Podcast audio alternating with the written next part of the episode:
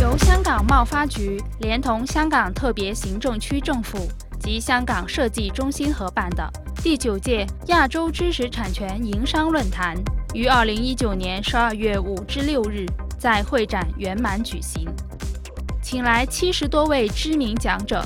吸引超过两千两百位来自世界各地的知识产权专业人士及商界领袖出席，业界探讨区内知识产权的发展前景及挑战。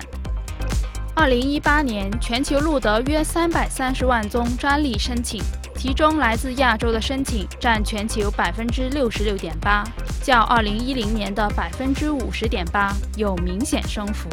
而亚洲的申请宗数更有高达七成来自中国。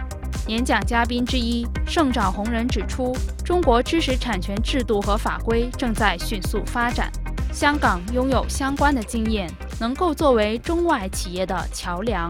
For the foreign companies, when they file the application in China, they are always afraid maybe some infringement. China also have uh, many court, many uh, jurisdiction in China. So how to choose the jurisdiction? and how to choose the right person who understand the worldwide standard. That is very important issue.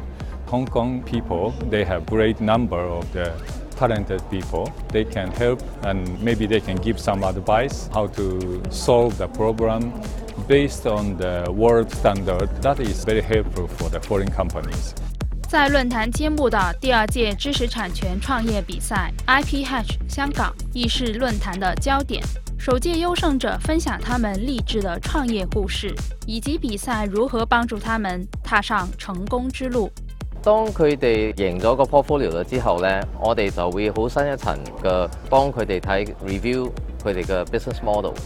and review 佢嘅 business model 之後呢，我哋係會幫佢哋誒 design 啲 IP 嘅策略入去佢哋嘅生意模式。我哋都會睇佢嘅 technology roadmapping。以後三到五年呢，之後話佢 develop 佢嗰啲 technology，因為呢個係好重要嘅。當啲唔同嘅投資者咧，佢哋想 invest，佢哋都會睇下你間公司有冇嗰個能力，同埋嗰個 vision。M n C 嗰方面，我哋會幫佢哋聯繫。其實當中咧，我哋都會幫佢同其他嗰啲 venture capital 啦、business channel 都有幫佢哋嘅 market 慢慢升值。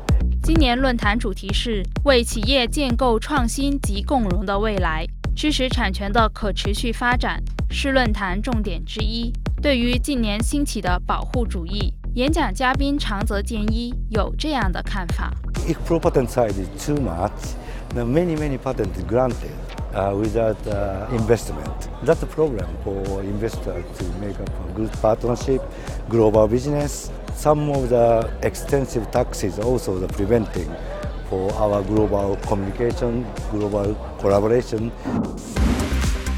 论坛第二日的环球科技峰会，科技业界领袖以“未来突破与颠覆”为题，探讨即将主宰人类未来的科技。人工智能日渐被应用到不同的商业和科技领域，现行法律如何保障人工智能的发明呢？AI has the potential to disrupt the the patent law and the IP system. And uh, I think it's important that we carefully consider whether the, the current system is still able to accommodate this new technology or whether there is a need for new regulations. There is certainly going to be a need for harmonization in that field, quick development of this technology. 随着知识产权的贸易越趋频繁，对相关的法律、调解人才需求增加。论坛特设知识产权培训课程，协助本地企业建立知识产权方面的人力资源。香港在全球的知识产权行业中一直扮演促进者的角色，提供知识产权管理、技术转让、法律仲裁等多元化服务。亚洲知识产权营商论坛从多角度探讨知识产权的发展前景，同时鼓励企业善用香港优势。开拓新商机。